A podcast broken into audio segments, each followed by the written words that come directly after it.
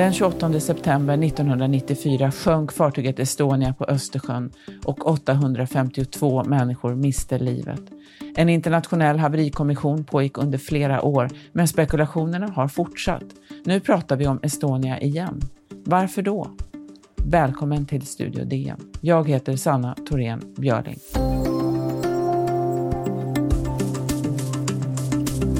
Uh, mayday, mayday. Sida Europa, Estonia. Estonia, Silja Europa. Ja, Estonia-tragedin är den största fartygsolyckan i nordiska farvatten i fredstid. Och hur den kunde inträffa har sysselsatt experter och privatpersoner allt sedan den där blåsiga natten. Augustin Erba, du kan den här historien främst för att du som journalist har råkat bevaka den under alla år. Vad var Estonia för slags fartyg? Eh, alltså det var ju ett... Ehm, ett passagerarfartyg som, som eh, åkte mellan, eh, mellan Estland och, och Sverige. Och om man ska titta på vad det var som hände den där, den där olycksnatten så kan man framför allt använda sig av haverikommissionens rapport som ju har gått igenom detta i, är liksom otroligt noga och gjort simuleringar och testat sig fram för att kunna se så här, vad var det som hände och hur kunde det gå till. Eh, och så vitt man förstår nu så var det så att Estonia var ute på havet, det var höga vågor. De här vågorna slog emot eh, bogvisiret, alltså den delen av fartyget som, som är längst fram och som man fäller upp när man ska lasta fartyget framifrån. Och då, och då kan man ju då fråga sig, hur kommer det sig då att det här bogvisiret inte tålde eh, vågorna? Och då eh, har det att göra med något som kallas för eh, utmattning i metaller. Att om, någon, om metall eh, råkar ut för vridning eller stötar så tillräckligt mycket så mjuknar den. Eh, det här är ju något som alla vet som någon gång har försökt böja av ett gem till exempel. Att man böjer fram och tillbaka metallen, till slut blir den mjuk och går av. Eh, och det här är vad, då, vad då eh, haverikommissionen tror hände med Estonia. Det här bogvisiret, den här stora saken som brukar fällas upp när man ska köra in lastbilar, den gav till, det gavs till slut efter med de här sakerna som den var fäst med, alltså gångjärn till exempel, som gav efter. Och så rasade den ner, slog upp rampen, eh, den som, som, som, rampen alltså i fronten på fartyget, och sen studsade det här bogvisiret mot den här ni vet den här bulben, den här runda saken som finns längst fram, un, lite under vattenytan för, på fartyget. Eh, och när bogvisiret ramlade eh, då hördes det ett väldigt brak i hela fartyget. Vad som sen händer är ju att vattnet då eh, strömmar in eh, eh, genom eh, den öppna rampen.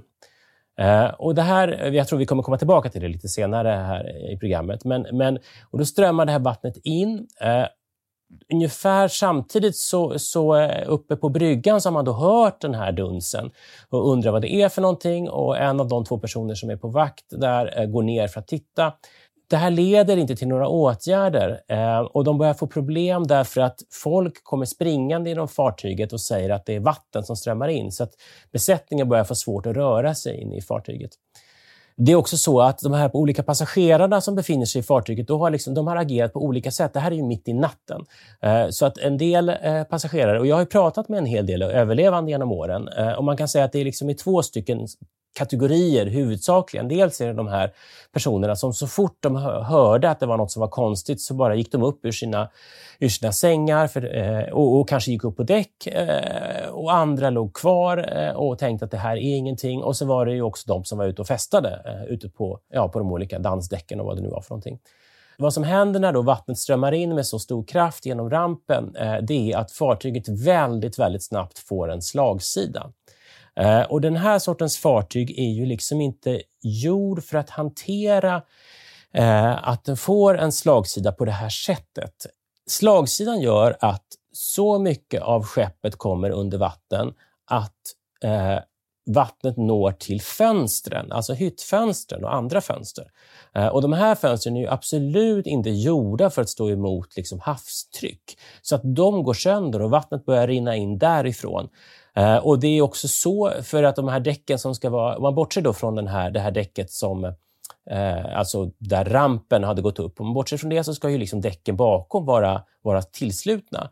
Men när vattnet rinner in, när vattnet rinner in eh, genom de här fönstren, eh, då rinner det in i själva fartyget. Så de här vattentäta däcken under, under däck, de vattenfylls alltså ovanifrån och, och, och inte liksom från sidan. Eh, och sen så är det ju, och det här, och sen börjar ju då eh, så skickade, skickade Estonia den här nödsignalen nu som vi hörde. Eh, och eh, fartyget sjunker oerhört snabbt. Eh, det, det, är borta från havets yta eh, inte alls långt efter att, efter att det här stora odjuret hördes. Eh, och eh, folk eh, lyckas ta sig till livbåtar, några stycken, men det är ju fruktansvärt många människor som, som har blivit instängda på skeppet och inte kommit ut och också ett stort antal människor som, som, som har hamnat i vattnet, som ju är kallt eftersom det är ju, det är ju Östersjön och det är ju ja, slutet på september. Slutet av september. Jag minns det där, jag bodde precis i närheten då och de, jag minns de här människorna som gick med hukade ryggar nästan fram och tillbaka till Frihamnen, Värtahamnen och hur flaggorna som var på mot, mittemot eh, på Tegeludsvägen utanför TV4 och Länsförsäkringar, det var svenska flaggor som vajade på halvstång. Eh, dåvarande eh, statsminister Carl Bildt eh, sa så här. Det här är den eh, största katastrof som drabbat Sverige i modern tid. Och det är klart att alla känner en eh, stor sorg. Det uppstod förstås omedelbart en diskussion om vad man skulle göra. Vi ska strax återkomma till Estonia.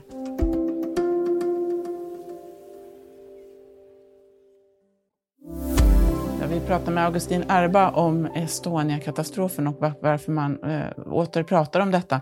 Man tillsatte ju en internationell haverikommission och den kom med en slutrapport 1997 som fick väldigt mycket kritik. Eh, det, man pratade allra först om om man skulle låta båten ligga kvar och vad man skulle göra med kropparna. Man bestämde sig för att det här var en grav. Eh, en del har under alla de här åren tvivlat på att det här trasiga bogvisiret var det enda skälet till att Estonia förliste. Eh, varför då? Man brukar ju ibland säga att Palmeutredningen var det största liksom, haveriet i svensk rättshistoria, men det finns nog en del människor som tycker att, att hur Estonia hanterades eh, hade, var minst lika illa skött. Eh, man måste komma ihåg då att det, att det var ju liksom en hel del saker som gick snett redan på, redan på natten. Um, till exempel var det så att de här helikoptrarna som åkte ut för att hämta, uh, för att försöka få upp folk som låg och höll på att frysa ihjäl i vattnet, att, att flera av dem uh, hade trasiga vinschar visade sig, så de kunde liksom inte få upp folk.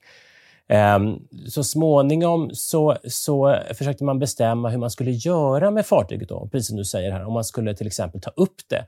Ehm, det fanns ju erfarenheter till exempel från den norska oljebollplattformen Alexander Själland, eh, där man, där man eh, valde att... att, att, att eh, där, där, där sådana här diskussioner också hade förts. Så här, hur, hur gör man? Hur får man människor som, som, som är sörjande, liksom, hur ska de finna frid? Vad man gjorde då var att Sjöfartsverket eh, bad ett norskt eh, företag, dykföretag, eh, att åka ner till botten där Estonia låg och filma helt enkelt. Så här, hur såg det ut inne i vraket? Skulle man kunna få upp folk? Hur, hur skulle det vara så? Ehm, och det där det där skapade nya, en ny situation där, därför att det, det sades ifrån, ett, ett, eh, ett, att, att, eh, ifrån de som ehm, ett så kallade etiska rådet som, som, som hade tillsatts för att liksom bedöma om man skulle ta upp kropparna, så sades det att det skulle bli så traumatiskt eh, för de här dykarna som skulle upp och hämta så här söndermalda kroppar och det skulle vara fruktansvärt och vi skulle inte traumatisera folk och så.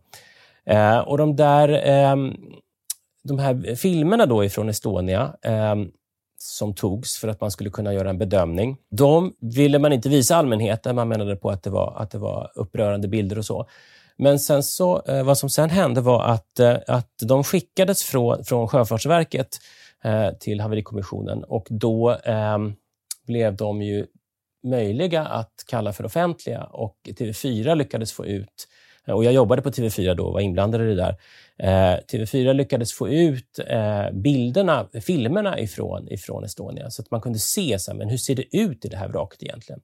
Och Då visade det sig ju att på de här bilderna så var det ju inte alls så som, som, som det hade beskrivits eh, med massa eh, trasiga kroppar och så, utan det här var ju ändå... In, det, var, det var inte alls på det sättet, utan det, det är klart att det fanns, att det fanns eh, offer och så vidare, men det var inte på det sättet som, som, som det hade förespeglats allmänheten. Och sen när då Etiska rådet eh, liksom konfronterades med det här och sa så här, men titta på de här bilderna, här ser det, inte, det verkar inte alls vara så. Då visade det sig att de hade inte ens tittat på bilderna. Eh, utan man hade fattat beslut utan, utifrån sin fantasi om hur man trodde att det skulle se ut. Och det där med att folk hade saker och ting i huvudet, bilder i huvudet som sen inte stämde med verkligheten. Det kunde man till exempel se när man, när man tittade på hur långt ner under, under vattnet låg Estonia. Eh, då var ju den allmänna bilden som man fick om man, om man följde rapporteringen i början att man har liksom ett jättestort hav och sen så längst ner på botten så ligger en liten, liksom, liten båt, en jättestor båt, men den ligger, liksom, ligger långt ner. Men, men man måste komma ihåg, och det här var ju tidningen Moderna Tider på den tiden som gjorde, ett, som gjorde grafik på det hela och jag har ofta tänkt att grafik är underskattat eftersom den bilden vände hela diskussionen. Och Vad de gjorde var att de, de visade en bild på Estonia och havsytan och sen ställde, vred de upp Estonia. Och, då kunde, och Estonia är, är 155 meter långt och djupet som Estonia ligger på är 70 meter. Så att om man vrider upp båten, då är ju mer än halva båten över vattenytan. Och, och Det förändrade också hela synen på, ska man ta upp den här båten eller inte? När, det liksom, när folk kände sig, ha men den ligger ju liksom inte alls långt under vattenytan. Den, det bara, den ligger ju nästan vid ytan. Så. Ja, så det här var ju, så 70 meter är i och för sig ganska djupt. Eh, absolut, men om det är en 155 meter, 5 meter lång båt och man hade tänkt att det skulle vara... Alltså, det, det, var ju den här bilden av hur det skulle kunna vara. Och Jag tror att det här är det som satt, satt igång Eh, och Sen blev det en massa diskussioner om huruvida det skulle övertäckas eller inte. Och Sen så har ju folk varit där och, och dykt fastän det är gravfrid över området och så vidare. och Så vidare. Så det har ju varit ett, ett, stort antal olika liksom, missnöjen kan man säga med, med hur det här har skötts. Sen är det ju förstås så att, att, att i en sån här tragedi eh, så är det ju inte alltid säkert klart det är inte självklart att veta vad som har hänt, så, men, men, men eh, än så länge får man väl ändå säga att de här olika konspirationsteorierna har väl inte fått något större genomslag. Det som eh, nu har föranlett de nya uppgifterna det är ju att vi, eh, det har kommit en film eh, av några dokumentärfilmare som visar att det finns ett hål i skrovet, eller en fyra meter lång reva. Ehm, det finns en, i Estlands före detta Estonia-utredare Margus Kurm menar att det är sannolikt att det är en svensk ubåt som har krockat med Estonia.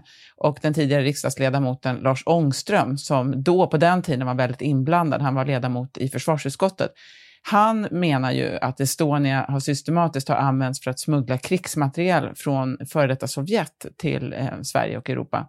Eh, han är också väldigt eh, intresserad av de här nya uppgifterna. De viktiga frågorna att söka svar på då det är vilket fartyg var det här? Vilken nationalitet hade fartyget? Och eh, varför var det där? Varför fanns det här fartyget i Estonias närhet? Och så länge vi inte får svaren på de frågorna så går det heller inte att utesluta att det finns ett samband mellan det här militära fartygets närvaro och kollisionen och en militär last ombord på Estonia. Han menar alltså att det är en, en, någon typ av, förmodligen någon ubåt som har krockat med Estonia. Vad, vad tror du, Augustin? Nu pratar man om nya dy dykningar. Statsminister Stefan Löfven utesluter ingenting. Vad talar för eller emot eh, de här olika teorierna? Alltså man, behöver, alltså, man behöver ju komma ihåg att eh, när det gäller såna här eh, spekulationer så är, så är det ju behöver man liksom titta på vad är det som är överhuvudtaget är möjligt och vad är det som är log, logiskt eh, möjligt. Eh, och Tittar man till exempel på, på, eh, på Estonia, den här bucklan eh, som, som de beskriver, det här hålet. Då, eh, det skulle naturligtvis kunna kommit ifrån en, en kollision. Eh, men med tanke på att båten har ramlat ner på botten och, och, och, och kanat en bit så är det ju naturligtvis så att eftersom eh, alltså det är ju betydligt troligare att det då har uppkommit eh, utifrån när, det, när båten har fallit eller så att säga, ramlat genom vattnet. Eh, det, det, får man ändå säga. Det, det, det är ju liksom eh, extremt osannolikt att det skulle, att det skulle vara en kollision. Eh, dessutom så skulle jag ändå vilja säga att, att och även om det hade varit en kollision eh, om man tittar på det där hålet, eh, på de bilder som jag har sett så är det fyra, så är det fyra meter högt och på sitt allra bredaste ställe ungefär en och en halv meter och betydligt mindre på de flesta ställen eftersom det är som, nästan som en spricka. Och Det här betyder att den mängd vatten som skulle kommit in eh, i, i Estonia inte alls är tillräckligt mycket och har tillräckligt hög hastighet för att kunna sätta igång ett sjunkförlopp eh, som går så här fort. Eh, jag vågar nog nästan påstå, nu har jag ju bara gjort en överslagsräkning här utifrån, utifrån de, dels utifrån de gamla beräkningarna som haverikommissionen har gjort och utifrån de, de, de eh, siffror som jag har sett ifrån den här dokumentären. Men en överslagsberäkning gör att det här är inte ens i närheten, men det behövs eh, 5 till 10 kvadratmeter stort hål för att så här stora vattenmassor ska komma in så att skeppet blir i sån hamnar i en sån eh, lutning att de här, som jag berättade om tidigare, då, att de här fönstren och glasen ska gå sönder på ovansidan och vattnet kan rinna in i de, i de avstängda utrymmena ovanifrån. Så att jag skulle säga att, att, eh, att eh, med tanke på hur litet det här hålet är eh, så skulle jag säga att det är fysikaliskt snudd på omöjligt att, att det hade sänkt Estonia i den hastigheten.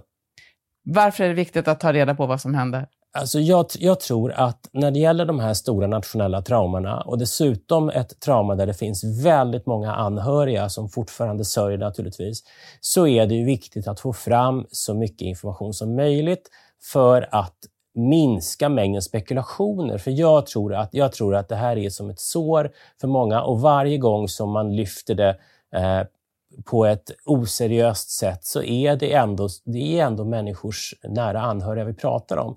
Så att jag, jag, tror att det är viktigt att man tar reda på att man, man skapar, skapar så, så, mycket kunskap som möjligt så att, så att vi slipper spekulationer. Det tror jag är viktigt. Tack. Lyssna imorgon på Studio DN special där jag intervjuar Nobelstiftelsens VD Lars Heikensten.